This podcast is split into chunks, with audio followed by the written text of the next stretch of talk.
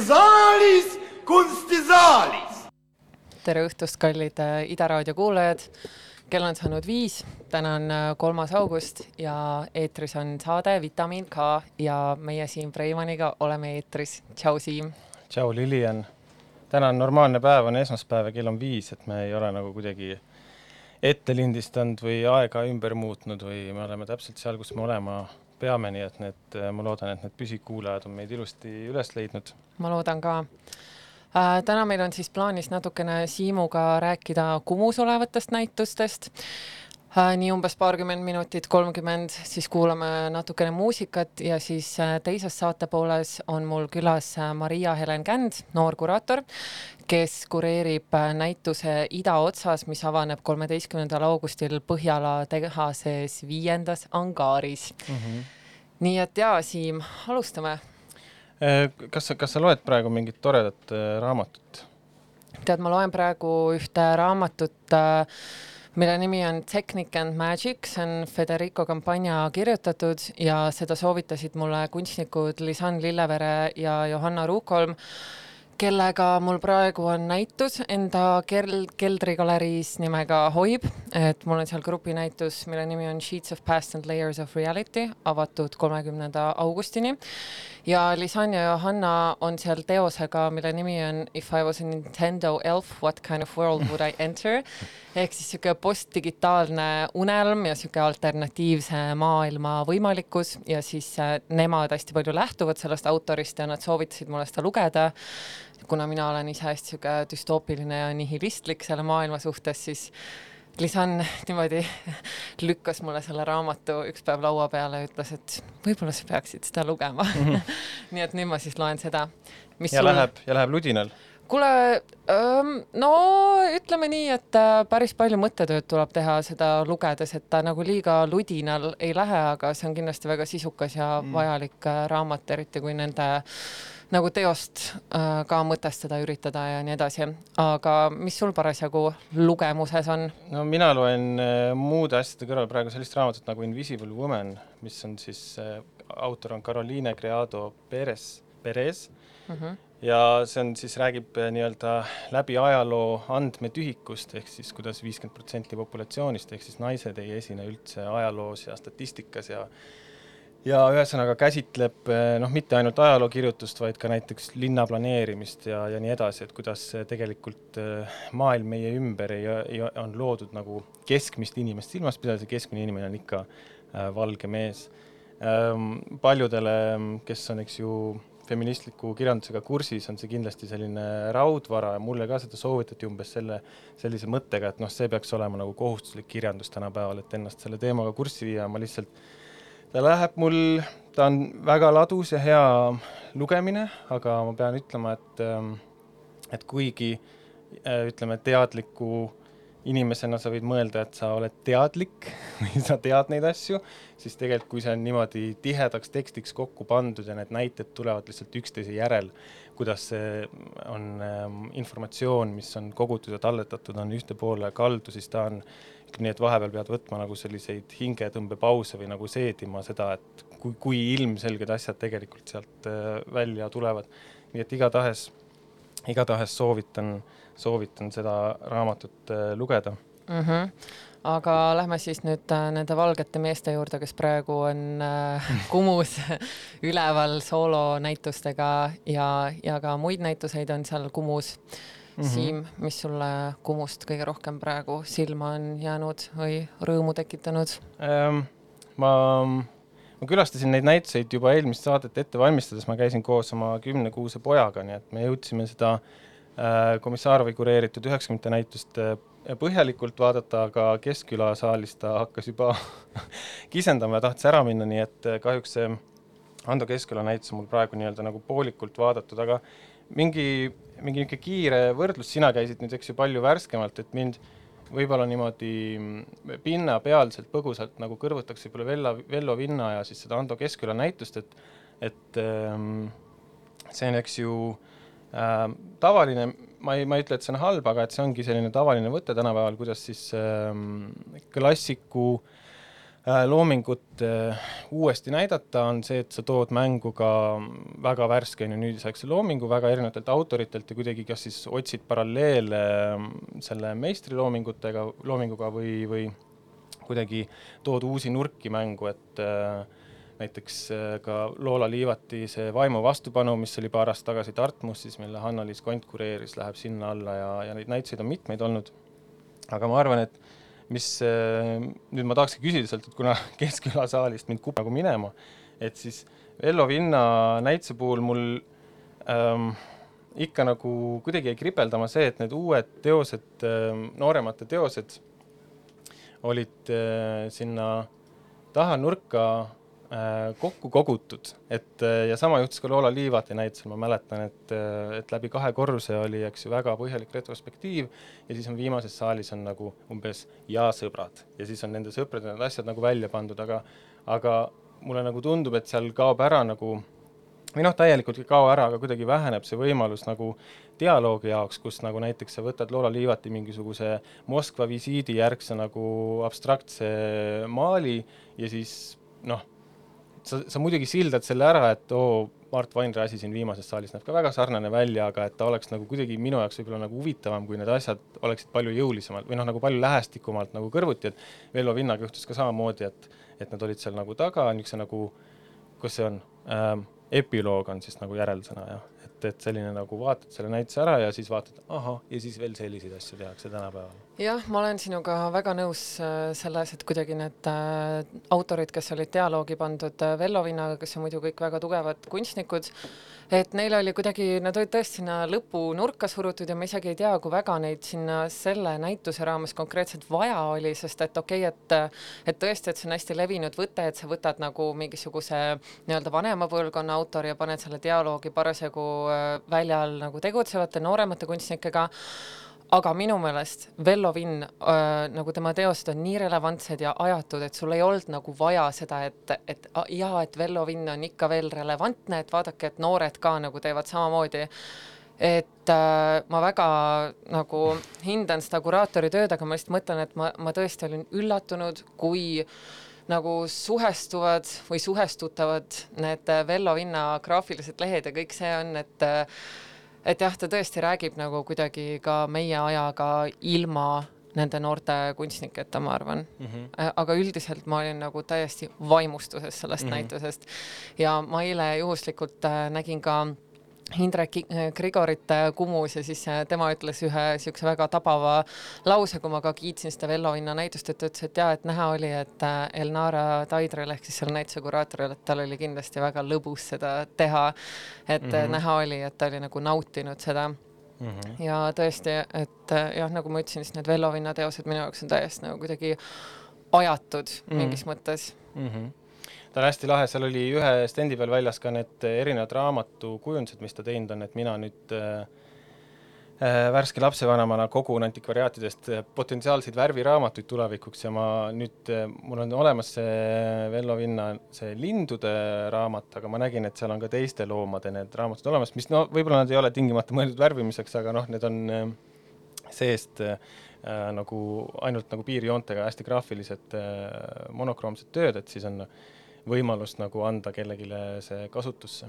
noh, teine asi, teine asi on ka muidugi see, et eh, ei ole nagu seda siseinfot alati, on ju, aga et kui autor on ikka veel meie hulgas, et siis ei, ei olegi sageli, ma arvan, nagu kuraatoril võimalik nagu nii ehm, noh, kas öelda nahaalselt või siis ütleme eh, jõuliselt võimalik tema loominguga ringi käia, et, eh, et minu meelest näiteks Loola Liivati puhul oli ka ikkagi äh, seal ähm, ma mäletan, et, et ma vist küsisin seda küsimust ka kuraatorilt ja et seal oli olnud osa põhjust ka selles, et, et autoril on ikkagi soov teha retrospektiivi ja et on nagu soov kuidagi hoida ka oma looming nagu no just nimelt oma loomingu narratiiv hästi selge, kronoloogiline narratiiv ja, ja puhas ja et, et see, et need teosed on niikuinii seal näitusel olemas, et, et ei pea seda hakkama siis sinna äh, nii-öelda sisse murdma. aga kas, kas sellel äh, Keskküla näitusel oli ka mingi ja sõbrad, ei olnud?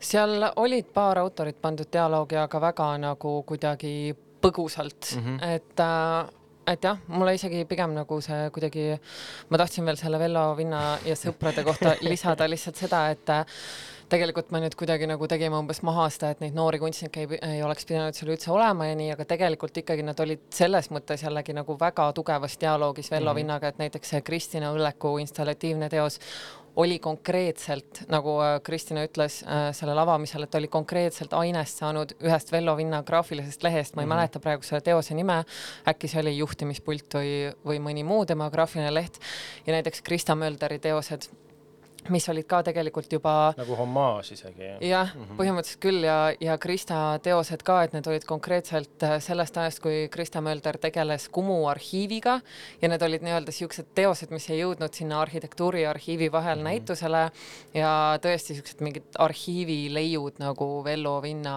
mm -hmm. teostest nagu sellel hetkel, et see oli ikkagi nagu väga sihuke otsene ja Vello Vinnast nagu ajendatud teosed, et see mm -hmm. ei mhm. olnud niisugune nagu surutud dialoog nii-öelda mm. -hmm.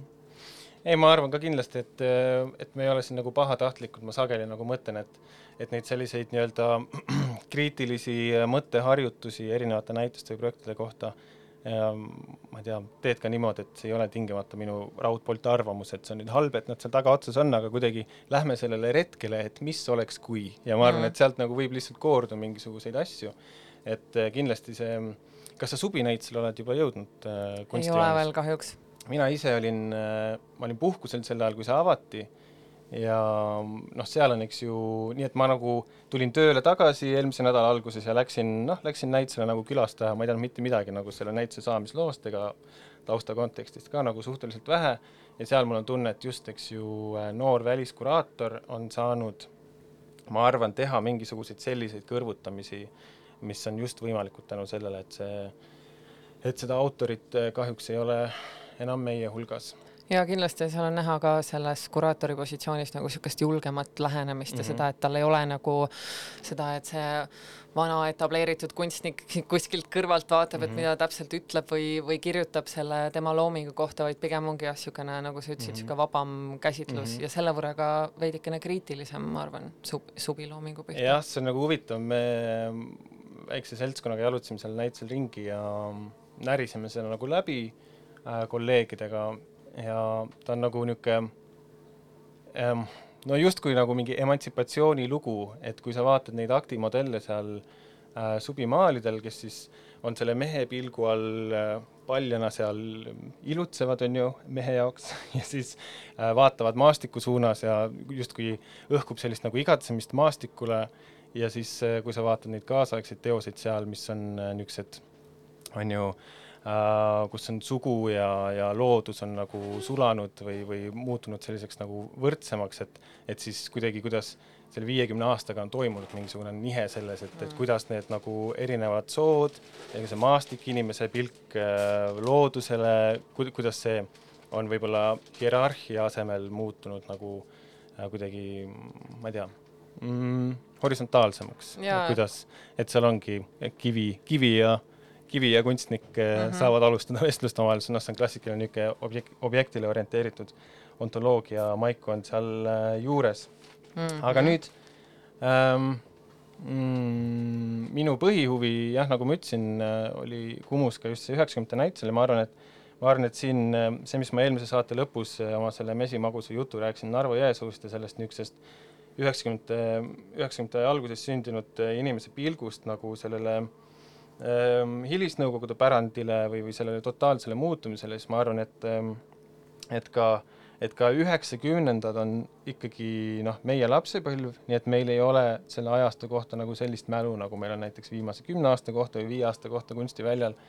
Ja, ja ma läksin nagu mingis mõttes sellele näitusele nagu hästi suure õhinaga, sest et äh, kuna ta on ikkagi võrdlemisi äh, hiljutine periood, ta on ikkagi nagu äh, valdav osa mm, inimeste nagu lähimälus äh,, siis äh, ja hästi palju on, eks ju, sellest perioodist teoseid, mis on nagu kandunud äh, noh, ütleme suulisel teel justkui nagu edasi või sa tead, millest nagu räägitakse, et milliseid perfosid tehti ja mis oli, ma ei tea, panganduse ja, ja kunsti suhe või noh, mis iganes mm -hmm. on ju ja nii edasi ja nii edasi ja siis sa ja siis lähed sinna näitusele nagu niimoodi, et nii, et keda, keda ma siis sealt nagu, nagu eest leian ähm,. aga ähm, jah, no selle eestleidmisega oli mul ka, et ma läksin ka sellise õhinaga, sest täpselt äh, nii on, et see on kuidagi meile ka natukene vahetum per-, juba sihuke ajalooperiood ähm,. aga jah, et see oli sihuke greatest äh, hits, et äh, kõike nagu oled. siin saaks teha niisugust publikumängu, et äh, pange chati Äh, hakake pakkuma nimesid mm., kes seal näitusel olid et kuidagi need esimesed nimed, kes sul pähe tulevad, siis nad ongi sellel näitusel natuke niisugune tunne. aga noh, samas ongi see, et ma, ma nagu ise mõtlesin ka sellele, et mis selle nagu muuseumi näituse püsiekspositsiooni ikkagi nagu eesmärk või kontekst on see, et võib-olla nagu see ei olegi see, et tulge nüüd kunstirahvas, vaadake, mida ma veel huvitavat siit üheksakümnendatest nagu leidsin, vaid pigem ongi just see nagu hariduslik pool ja see, mis nagu tegelikult on ka justkui nagu kanda kinnitanud kuidagi, et, et selles mõttes ikkagi jah, et kuigi see meie jaoks on niisugune greatest hits ja me oleme kõike näinud, siis äh, tegelikult ikkagi arvestades seda, et see jääb nagu püsinäituseks ja ma ei tea, kui kauaks sinna ülesse püsivalt, siis on väga oluline just neid legendaarseid teoseid välja tuua ja laiemale publikule ka tutvustada.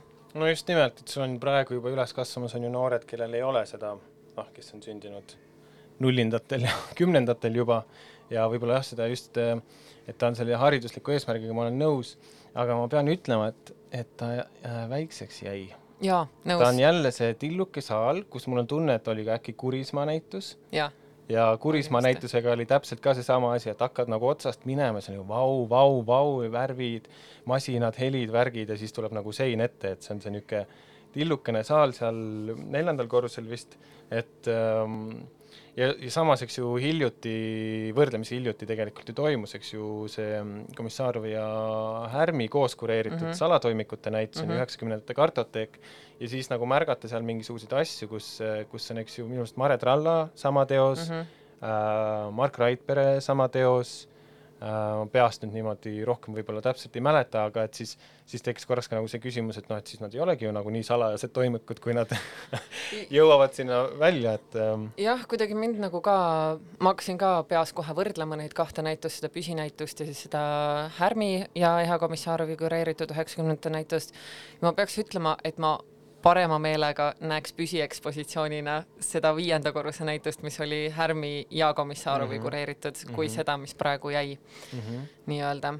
sest et tegelikult on ju nii ähm, noh, ma ei tea, mõtlen seda F-ide peale näiteks, mõtlen ka see eh, F-ide rühmitust eh, minu meelest, kas ei olnudki sellel väiksemal näitusel või noh, et, et, et just, et, et mingisugused asjad, mis on kuidagi läbi erinevate materjalide kinnitanud ennast nagu minu kuklasse, et noh, see on, see on mingi oluline asi, mis ulatub sealt siiani või kuidagi, mille nagu DNA on ilmne mingisugustes eh, praegustes praktikates, et siis seda mitte seal näha oli natukene, natukene kahju, aga võib-olla, võib-olla me ootamegi, ootame liiga palju ma ei tea, või siis see on nagu niisugune vundament, millele siis saab hakata nagu dialoogi ehitama kuidagi selle näituse peale mm. -hmm.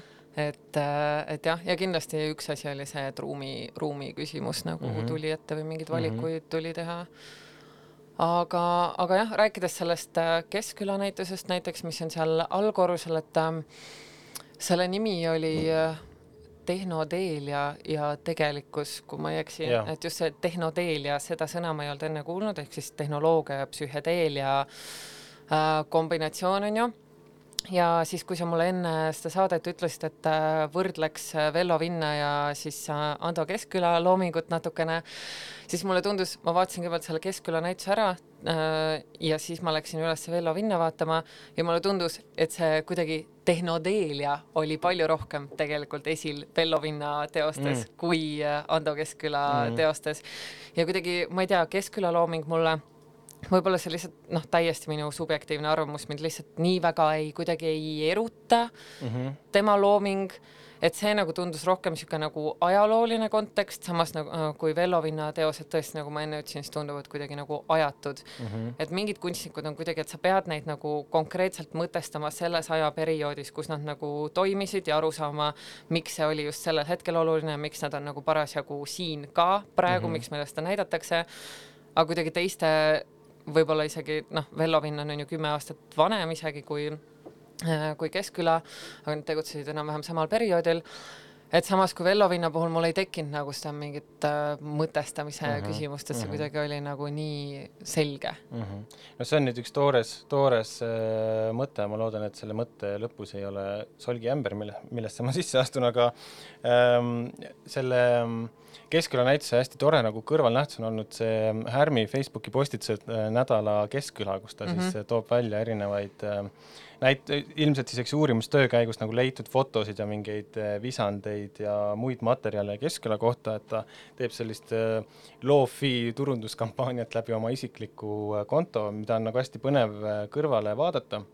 ja mingi hetk, ma mäletan, Tamara ka võttis tal nagu nööbist kinni selle väljaütlemise kohta, kus ta kus ta, Härm ütles, et ta nüüd pärast selle näituse tegemist ta mõistab nagu Keskkülat, aga ka kaheksakümnendaid üldiselt mm. paremini, et siis noh, tema seisukoht oli kuidagi, et kaheksakümnendad oli see niisugune kahtlase väärtusega periood võib-olla mm. Eesti äh, kunstiajaloos ja võib-olla seal noh, kui talt, kui, kui Tamara talt siis nagu küsis, siis, siis ta kuidagi ütles, et ähm, noh, et ta sai võib-olla selle, läbi selle näituse tegemise aru, et, et kui keeruline see aeg võis nagu kunstnikule olla, et, et äh, sellele perestroika aegne ja, ja sellele murrangule nagu eelnev ähm, segaduste periood või, või hästi ja siis ma, ma mõtlengi, et seal võib-olla see hermeetilisus ja ajatus, see nagu dissonants tekibki seal nagu sellest, et, et Vellovina asjad ongi kuidagi nagu ajatud, et nad tingimata ei, nad ei kõnele sulle sellest nagu ajast enda ümber, vaid mingisugusest üleulatuvast või nagu kaugele ulatuvamast nagu joontest läbi kogu ajaloo või mm -hmm. midagi taolist või mingi niisugune täiesti oma maailmaga, kuna seal ähm, Keskküla loomingus on noh, ta on ju, eks ju, slaidi, slaidimaalija nii-öelda mm., et siis seal on nagu reaalsusega toime tulemist või selle kuidagi tõlgendamist või on, on palju rohkem ja, ja võib-olla sellepärast ka niisugust seda hermeetilisust just mm, -hmm. et, et ta ongi nagu mingisuguse, mingisuguse hoiaku või, või suhtumise nagu case study osaliselt mm. -hmm, aga noh, mina jooksin näituselt veerandi peal välja, nii et mida mina ka tean ja Mhm. siin räägin ja ma tahaks väga, et Anders Härm teeks tuuri seal näitusel mm.. ta ütles, et ta oli KEK-i inimestele teinud kolmetunnise tuuri wow. Keskküla näitusel, nii et ma olen intrigeeritud. jaa, niisugused tuurid on väga mõnusad, kus tullakse nagu kollektiiviga tutvuma ja saabki mm -hmm. nagu pikalt äh, niimoodi aega veeta mm. -hmm. aga ma ei tea, meil see hapukurgi hooaja rubriik vist äh, hakkab äh, läbi saama, et kuulame kuulame muusikat. muusikat ja ma täna olen äh, valinud äh, siukse artisti nagu Sega Bodega, kelle ma avastasin äh, karantiini ajal äh, Yout- äh, mitte Youtube'ist, vaid Instagramist. Ja ta tegi megalahedaid siukseid äh, low-key äh, live stream'e, kus ta nagu tegi Facetime call'e mingisuguse teise artistiga ja siis nad cover dasid äh, mingit hästi populaarset lugu ja sellest sai ka album, mida sai osta ja kõik selle nagu ostutulu läheb siis UK artistide nagu toetuseks. jälle ka natuke niisugune isolatsiooniteraapia. ja, ja, ja kui teile meeldib, mida te siin kuulete, siis ma soovitan minna ta Instagrami lehele, mis ongi Sega Bodega äh,, sest et need videod, mis ta on nagu selle jaoks produtseerinud, mis ongi, nagu ma ütlesin, need äh, Facetime call'id, aga see on hästi mõnusalt kuidagi nagu töödeldud või kuidagi kokku pandud niimoodi, et sul tekib tõesti hästi intiimne kuidagi tunne sellega, et sa kuulad justkui midagi, mis on nagu kahe inimese vahel peaks olema. ühesõnaga, ma olin täiega vaimustuses sellest ja ma ostsin selle albumi ja nüüd ma tahan seda teile ka lasta. kuulakem. I know you think that I shouldn't still love you or tell you that. But if I didn't say it, well, I'd still have felt it. Where's the sense in that? I promise I'm not trying to make your life harder or return to where we were. I will go down with this ship, and I won't put my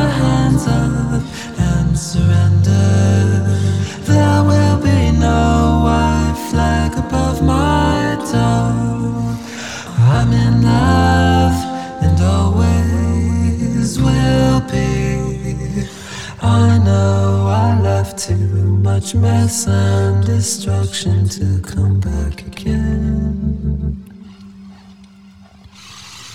and I cause nothing but trouble. I understand if you can't talk to me again. And if you live by the rules of it's over, then I'm sure that that makes sense.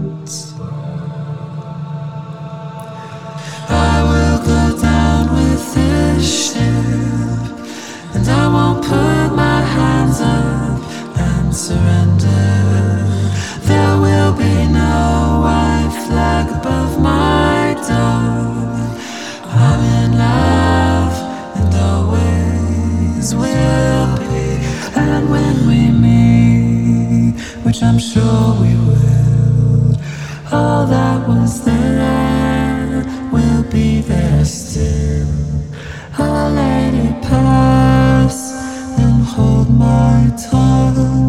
and you will think that I've moved on. I will go down with the ship, and I won't put my hands up and surrender. There will be no white flag above my door. I'm in love, and always will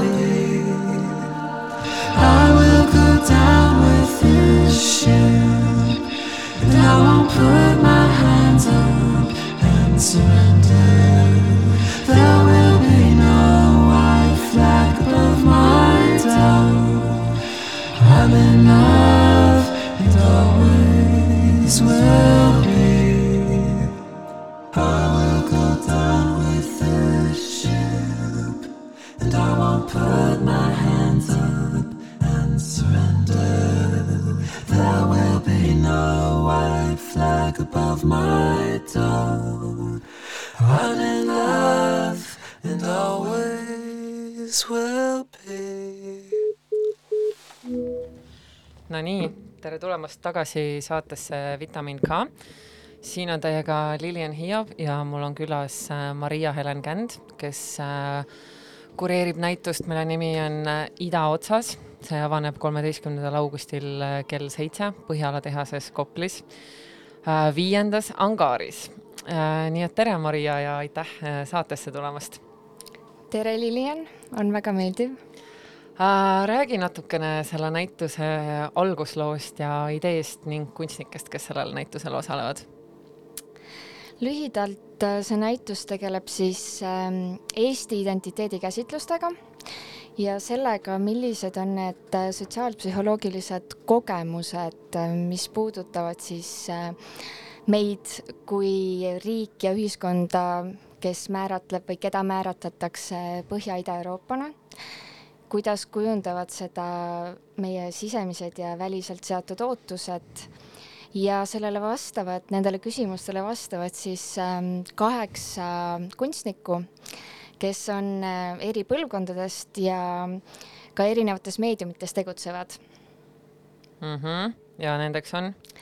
Marko Mäedam, Sandro Kosarotova, Eevi Pärn, Madeleine Hir- Hirtentreu ähm,, Klo Kasaru, Aleksei Kordin, Tanja Muravskaja mm. -hmm. Uh, kuidas sa just nende kunstnikeni jõudsid?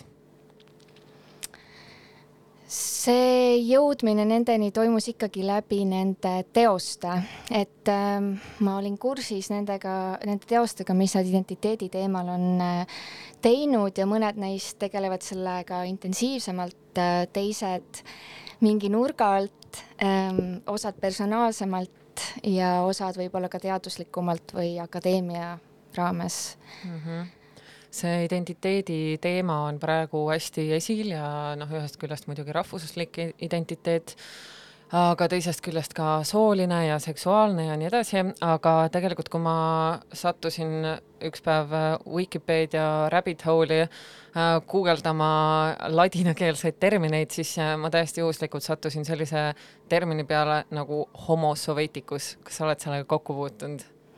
Jaa, kusjuures olen ja ma ei ole seda konkreetset raamatut küll lugenud, aga ma lugesin kunagi sellist teost nagu äh, Punainimese lõpp äh,, mis oli ka käsitles siis sedasama teemat, et äh, kuidas teatud osa ühiskonnast ei, võib-olla ei tule selle nii-öelda uue kapitalistliku süsteemiga kaasa või kuidas nad on nii-öelda raskustes selles, selles uues maailmas.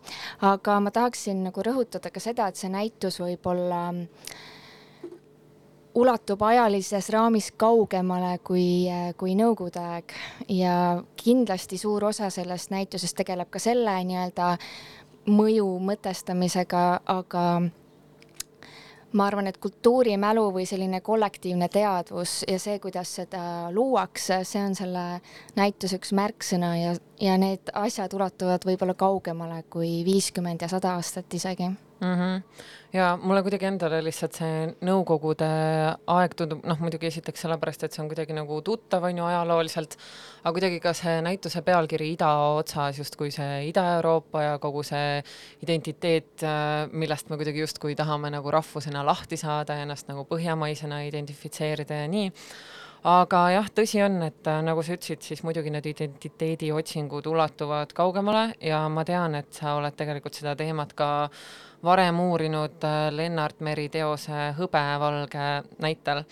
ma nüüd alustan veidi kaugemalt kui järgmisel nädalal avanev näitus, aga küsin ma ikkagi seda, et mis järeldusele sa läbi Lennart Meri uurimuse jõudsid, et kuhu siis see eestlase identiteet on põlistatud mm? -hmm tõepoolest ja ma tegelesin äh, bakalaureuse astmes siis kultuuriteadustes ja võrdlevas kirjandusteaduses selle teemaga ja ma tegelikult võrdlesin kahte autorit, et äh, Lennart Meri ja siis Valdur Mikita. Ja mind nende uurimuse, uurimise juures äh, huvitas see, kuidas nad eestlase olemust niimoodi essentsialis-, essentsialistlikult kujutavad. Ehm, ja ma ei, see, see strateegiline essentsialiseerimine, see on siis ühe kultuuriteoreetiku Gayatri Spivaki termin ja, ja mind ei huvitanud niivõrd see, et kas see on nüüd õige või vale, et nad seda teevad, vaid et millised vahendid nad on Eesti loo jutustamiseks valinud ja mis, mis ajastu, milles nemad seda lõid, kuidas see seda mõjutas võib-olla. ja Lennart Meri juurde tagasi tulles, siis äh, selles hõbevalge teoses ta ikkagi väga tugevalt tegeleb ähm, sellise soome-ugri pärandiga, ta uurib rahvaluulet, ta tegeleb ka koha pärimusega ja sellise koha mütologiseerimisega. et ähm, ma julgeks küll öelda, et ähm, tema kirjutamisstiil ja tema sellised väited ja argumentatsioon ei anna sellisteks olemust mingi rahvuse olemust äh, nagu kindlalt äh, kätte ja ta ei taotlegi seda, et äh, ta oli avat-, sellise väga avatud ja pigem kultuure sünteesiva ja sellise, sellisest asjast huvitus ka siis juba aastatuhandete nagu taguses kontekstis, et ähm, et ma arvan, et jah, tema jaoks siis Eesti nii-öelda kultuur eelkõige peitub äh, rahva, rahvapärimuses ja sellistes äh, hõimupraktikates ja kuidas see meid tänapäeval mõjutab, et ta teeb väga sellise jõulise nii-öelda statement'i, võib-olla siis ta ei maini kordagi kaasaega, aga see, kuidas ta seda esitleb, mõjutab kaasaega mm. -hmm ja minu meelest ka kuidagi üpriski loomulik on eestlasele ennast soome-ugri kultuuriga samastada ja eriti kuidagi praegu on minu meelest see teema jälle kuidagi õhku tulnud. Äh, ma lugesin ühte Vikerkaare artiklit, mille autor on Linda Kaljundi ja tema on öelnud, et et see on peaaegu et igapäevapraktikate eksotiseerimine, maakodu evimine, seenel käimine, kodukandi metsade tundmine ja nii edasi, et seda on ka tegelikult Mikita nagu populariseerinud et äh, minu meelest on huvitav see, kuidas nendest olmepraktikatest on saanud midagi, mida näiteks paljud noored äh, taaskord igatsevad, et tagasi maale, tahaks ise toitu kasvatada ja korilust harrastada ja nii edasi. et vahepeal see kuidagi oli nagu kadunud mingiks hetkeks ja kui aus olla, siis tõesti ma ka ise tunnen, et ma eksotiseerin seda äh, kohati, et sihuke igast seenelkäigust Instagrami postitus, siis ma teen rabarbarisiirupit natuke, siis ma teen sellele ise käsitsi sildi ja see kõik tundub nii lahe ja eksootiline ja kuidagi eksklusiivne mingis mõttes. Et äh, läbi nende postituste me ju kõik kujundame oma kuvandit ja identiteeti, et kuidagi jah, see Soome ugri mingisugune asi, mis sinna nagu tuleb juurde, on ju hästi relevantne kuidagi noorte seas praegu minu meelest. kuidas sulle tundub? jah, ma olen äh, nõus sellega, mida tegelikult Linda Kaljundi ütles, et äh, see nii-öelda, mina suhtun ettevaatlikult nendesse igapäevategevuste romantiseerimisse ja sellesse, et äh, pookida eestlase või noh, mitte pookida küll, aga kuidagi näha seda loomuldasa eestlastele omasena, et kindlasti Nõukogude endised Nõukogude ühiskonnad, seal on see loodusega võib-olla suhtlemine ja aiandus äh, nii-öelda rohkem au sees või kuidagi, sest et see loodus pakkus ka mingit pelgupaika selle režiimi eest ja ja samuti andis seda, mida siis poes nagu tollal saada ei olnud mm. -hmm. aga ma, ma isiklikult ka Mikita loomingu puhul täheldan seda, et see teenib oma eesmärki, et tema taotlus ongi see, et nii-öelda inimesed ja eestlased jõuaksid tagasi looduse juurde. aga see võib-olla ei ole otseselt mulle eh, mm. ja mind ei kõneta see niivõrd, kuigi ma armastan muidugi loodust ja ma tahakski, et inimesed nagu pöörduksid tagasi selle juurde võib-olla mm. -hmm. Aga kuidas sa iseennast äh, noore reisiva keeli oskava eestlasena identifitseerid või positsioneerid siin maailmas mm,? mulle tundub, et äh, väga paljud inimesed ennekõike määratlevad ennast selle järgi, et millega nad tegelevad ja sama on minul, et ähm, need teemad, mis mind huvitavad, äh, see, millega ma erialaselt tegelen, see, see on see võib-olla esimene punkt, aga muidugi ma ütlen, et tavaliselt ma olen Eestist ja ma meeleldi räägin ajaloolistel ühiskondlikel teemadel. et tõesti, see, ma mäletan siis, kui ma noorem olin või siis, kui ma keskkoolis käisin, siis kuna ma kasvasin ka üsna sellises äh, patriootlikus keskkonnas, mitte, mitte sellises nagu kuidagi väljaarvavas või sallimatus perekonnas teiste ähm, kohtade või inimeste suhtes, aga lihtsalt äh, see, mis Eestis toimus, see läks mu vanavanematele eelkõige väga korda. ja ma ise tundsin ka kohati, et kui ma nüüd, ma olen see esimene põlvkond, kes saab nii-öelda piirides välja, et ma nagu esindan Eestit mingil määral ja, ja ma arvan, et see on minuga nagu kaasa tulnud öö, ka praegu, aga viimastel aastatel ja eriti ülikoolis uute perspektiivide avanedes nii-öelda ma ise hindan ka kõike seda, mis Eestis toimub palju kriitilisemalt ja mingid sellised illusioonid on kindlasti purunenud mm. -hmm. Nõukogude pärand on meist generatsiooni ja kaks vanematele väga tundlik teema, aga jah, meievanused on sellest juba reaalelus distantseerunud, kuid siiski teadlikud veel. Mingis mõttes meist vanemad generatsioonid saidki ennast identifitseerida, identifitseerida läbi trauma, aga meie jaoks enam ei päde, ma arvan, et ongi, et ma ei tea, kui mina näiteks räägin Eestist kellelegi või kuidagi üritan seda iseloomustada, siis ikka nagu lisaks sellele nendele rabadele ja metsaskäigule me ju räägime Skype'ist ja suurtest startup idest ja tiigrihüppest ja sellest, et metsas on 4G ja nii edasi, et see on tegelikult väga kontrastne, ma arvan just, ongi ja ma ei tea, mina ütleks äh, seda, et äh, mida ma olen täheldanud äh, enda generatsiooni puhul või ka enda puhul äh,, et ähm, minu vanavanemad millegipärast on väga jõuliselt rääkinud sellest ajaloost, mida nemad kogesid ja mis oli, see trauma oli tõesti nende jaoks äh, igapäevaelu osa ähm,. ja ühel hetkel äh, ma siis ka tunnetasin, et ma ei taha seda äh, enam, et see ei ole minu lugu, et minu lugu on, algab vabast Eestist. mitte see ei tähenda seda, et ma ei tahaks seda mäletada või et seda ajalugu ei peaks teadvustama ja teadma. ma arvan, et see on ka ohtlik tendents, aga ühel hetkel tuleb, võiksid noored nagu võtta selle traumaloo koost lahti enda jaoks ja sulatada selle millekski nagu edasiviivaks. kas sa näed, et praegused Eesti noored ja meievanused teevad seda? jah, ma arvan küll mm. -hmm räägiks natukene konkreetsemalt siis äh, näitusest ka. et äh, näitusel osalevad äh, eri vanuses kunstnikud, nende taust on erinev, nad ei tule samast koolkonnast, ometi tegelevad nad kõik identiteedi küsimustega ja ma ütleksin, et väga erineval moel.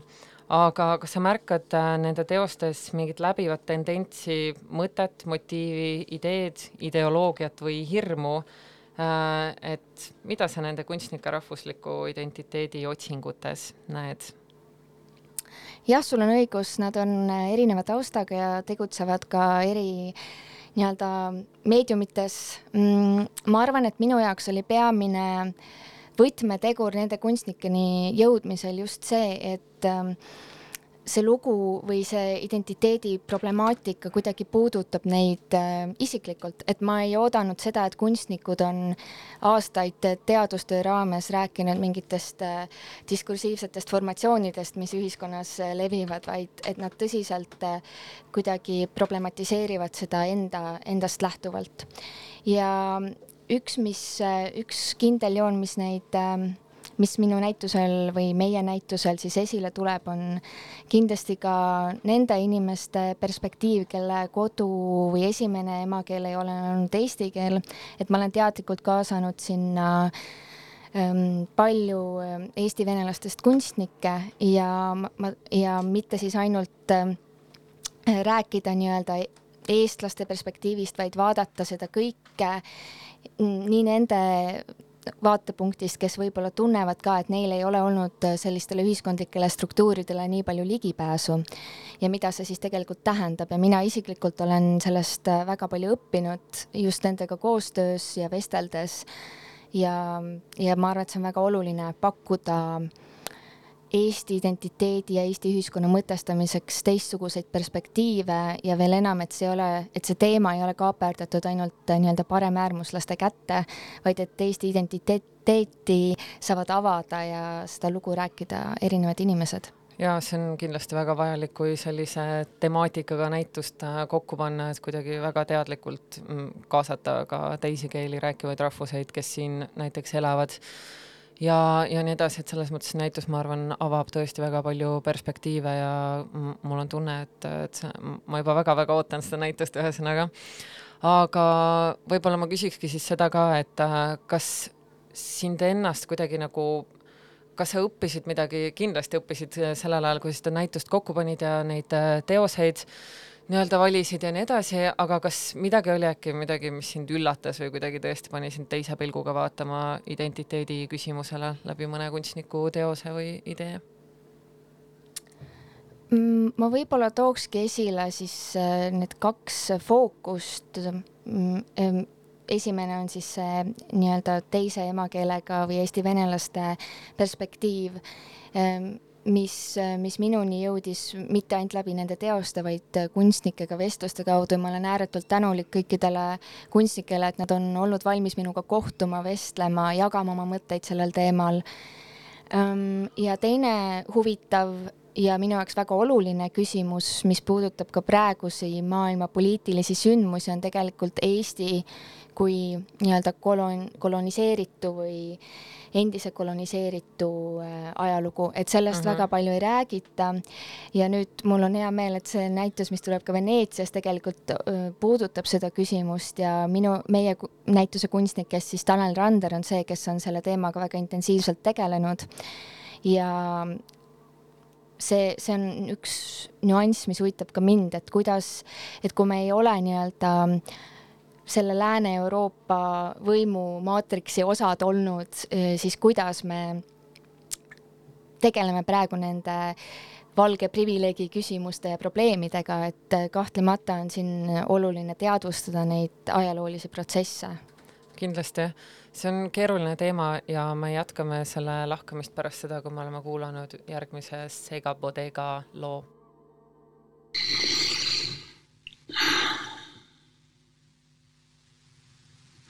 I wanna hold the hand inside you.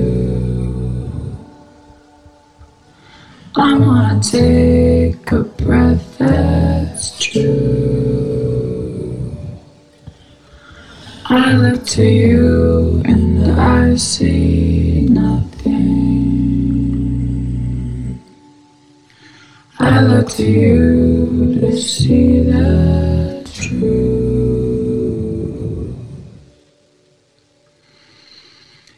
come apart and you'll go blind. Some kind of night into your darkness. Color your eyes with what's not there.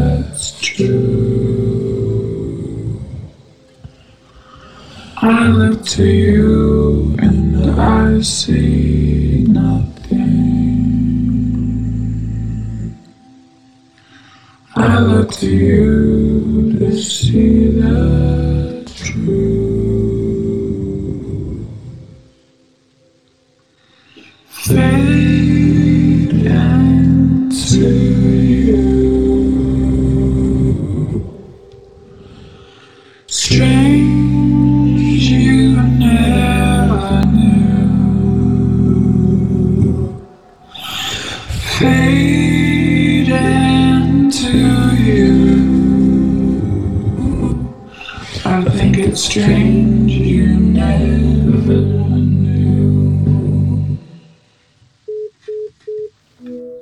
Nonii, tagasi saatesse Vitamin K, viimased kolmteist minutit äh, koos äh, idaotsas näituse kuraator Maria-Helen Kännuga. tšau jälle. Äh, jäime enne pooleli identiteedi teemadega, millega me ka jätkame ja Maria, ma küsikski sinu käest, et äh, millal saab identiteedi küsimusest probleem?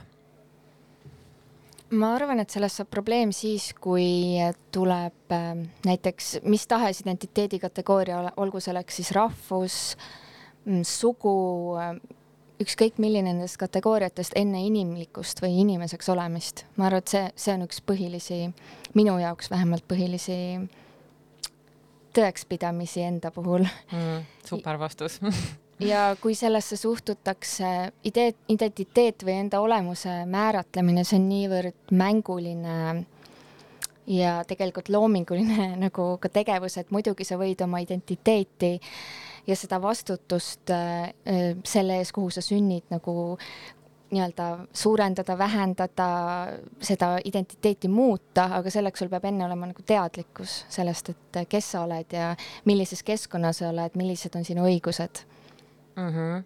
kas sa arvad, et tänapäeval on võimalik, et üks rahvus oma identiteeti ühtselt tajub?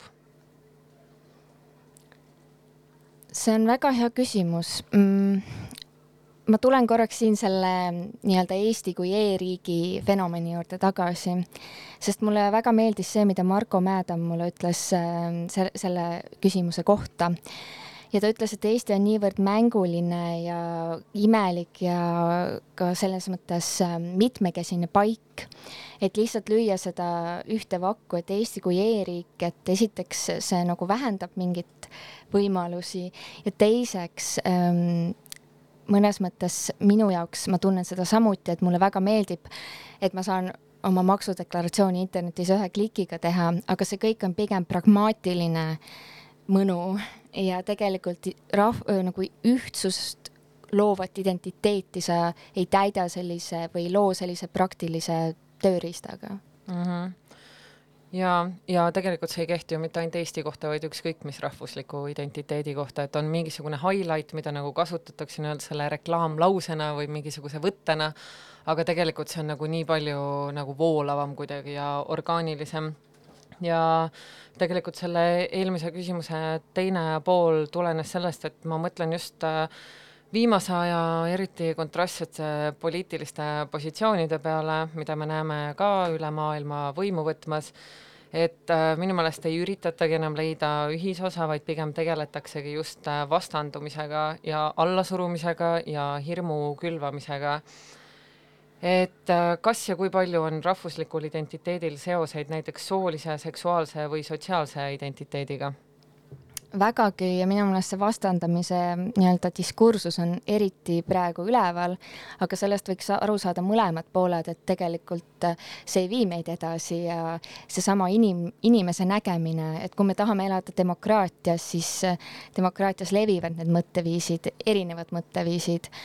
ja ma arvan, et on oluline teadvustada ka seda, et ähm, see on meie kõigi vastutus mõnes mõttes, et et need hirmud, mida meile kogu aeg nii-öelda ette söödetakse, et ka meie ülesanne on seda infot kontrollida. Ja samuti see näitus tegelikult tegeleb sellega, et, et Eestis on kogu aeg see teema üleval olnud, et kas meid kas meid märgatakse, kas meid tunnustatakse, kas meie ajalugu, mis tahes ühiskonnagrupi ajalugu siin Eestis, kas on tähtis et see hirm kaduda kuskile maailma rahvaste perre, see on, ma arvan, et meie jaoks paratamatus mm mul tuli praegu üks äh, eksprompt äh, küsimus ja üpriski niisugune provokatiivne äh,. et äh, kas äh,, kas sul on mõni kunstnik või oled sa töötanud mõne parempoolsete poliitiliste vaadetega kunstnikuga ka selle teema raames? see on äh, väga oluline küsimus ausalt öeldes ei ole. Ei ole, et mm -hmm. ähm, paratamatult äh, kuraatorina ka grupinäitusel ei jõua kõigini ja tõesti, see on võib-olla üks nii-öelda teema jätk, mida ma võiks äh, üles võtta siis, kui see näitus peaks kuskile edasi minema või edasi arenema. Ja see on väga hea tähelepanek. Ja see ei olnud üldse kriitika, mul lihtsalt nagu tuli mõttesse ja ega ma ise ei ole ka vist ühegi parempoolse kunstnikuga koostööd teinud, et äh, ja noh, see on üleüldine tendents, mida tegelikult on siin-seal tõstatatud ka, kuidas tegelikult äh, kogu kunstiringkond on hästi vasakpoolne ja hästi kuidagi liberalismile rõhuv ja mingis mõttes see nagu ka jätab mingisugused kunstnikud selle võrra jällegi mängust välja. et lihtsalt mingisugune niisugune aspekt, mida võib-olla teadvustada või tähele panna aga kas sa arvad, et äh, rahvuslikule identiteedi küsimusele on üldse lõplik ja objektiivne vastus või on see küsimus midagi, mis inimese olemusega ja pidevalt muutuva maailmaga kaasas käib ja oma vormi ja ideoloogiat samuti muudab ja kohandab? ma arvan, et see, mida sa just kirjeldasid, ongi, ongi see ja kahtlemata on mingid sellised tugipunktid või põhiteemad põhiküsimused, mis on teatud ühiskondades relevantsed, olulised ja noh, see näitus ka tegelikult oma tee, nagu pealkirja vormis on küsimusena mm, -hmm. et äh, kui me käsitleme Eestit Ida-Euroopana või või kas see fenomen on juba sotsia-, sotsiaalpoliitiline fenomen on tänaseks juba läbi, et kuidas suhestuvad sellega kunstnikud ja ja kuidas nemad seda teevad, teemat avavad, et ma arvan, et seal tuleb väga palju erinevaid vastuseid ja see vastus jääbki mõneti lahtiseks mm. -hmm. Ma arvan sama aga su näitus avaneb kolmeteistkümnendal augustil Põhjala tehases kell seitse, aga sellega kaasneb ka lisaprogramm, äkki tutvustad paari sõnaga, mis, mis see endast kujutab? lisaprogramm on meil tõepoolest siis kaheksateist, üheksateist august vahetult äh, nii-öelda taasiseseisvumise aastapäeva eel koos äh, tegelikult Läti ja Leedu kunstnikega, et meil tuleb paneel Äh, sellel samal teemal esiteks, et kuidas rääkida meie piirkonna identiteedist praeguses äh, poliitilises atmosfääris, mis on äärmiselt laetud igasuguste identiteedi küsimustega. ja teisel päeval on siis performance'id, äh, kus tuleb Maria Nemtšenko Leedust ja siis Kundega Evelone Lätist ja nad mõlemad teevad siis ühe etteaste mm. -hmm. ootan põnevusega, tõesti, see tundub väga oluline teema ja huvitav ja sisukas äh, näitus, nii et äh, edu lõpu ettevalmistustel. Äh, minu klassikaline lõpuküsimus, kus sind võib järgmiseks näha valget veini joomas ehk mis näituse avamisele plaanid järgmisena minna? Päris palju näitusi on praegu avanemas ja mul on ähm, tohutult kahju, et ma võib-olla paljudele neist ei jõua, aga Tartus ma nägin Gogo galeriis tuleb üks avamine ja siis on Tartu interdistsiplinaar, mis ka tuleb, et kuidagi võib-olla jah, mul on see Tartu praegu meeles, sest et äh, ma ei ole tegelikult Eestis ka saanud väga ringi liikuda sellel suvel mm,. aga siinkohal ma kutsuksin sind äh, enda kureeritud näituse avamisele vitriingaleriis, mis toimub äh, samal päeval, mis sinu oma, aga tund aega enne, et ma meelega sünkisin selle niimoodi, et inimesed saaksid mõlemale minna ehk siis äh, ma kureerin äh, Karl Robert Kage näitust, äh, mille nimi on Neljasõela pilt ja see leiab aset EKKM-i küljes olevas vitriingaleriis. ma tean, et sa ei jõua sinna tund aega enne enda näituse avamist, aga ma ootan sind ja ka kuulajaid sinna näitusele ka. ma veel mainin nii palju, et ähm, EKA kuraatoritest päris paljud teevad praegu huvitavaid projekte, et Arsi majas peaks tulema varsti ähm, Jaanika Arumi projekt ja siis äh, Claire jah, Claire, minu kursaõde, mul ei tule praegu perenimi meelde, et ka nemad teevad sellist performance projekti vabas looduses, et äh, hoidke silmad lahti. ja neil on vist äh, off-site näitused vist bussiga on minek, sihuke üheõhtune projekt. Nii et jaa äh,, aitäh, Maria, saatesse tulemast, oli väga huvitav ja kuulame veel ühe loo siia lõppu ja siis lähme juba järgmise saate juurde. aitäh, Vitamiin K-d kuulamast. Her name is Noel. I have a dream about her. She rings my bell. I got gym class in half an hour. Oh, how she rocks.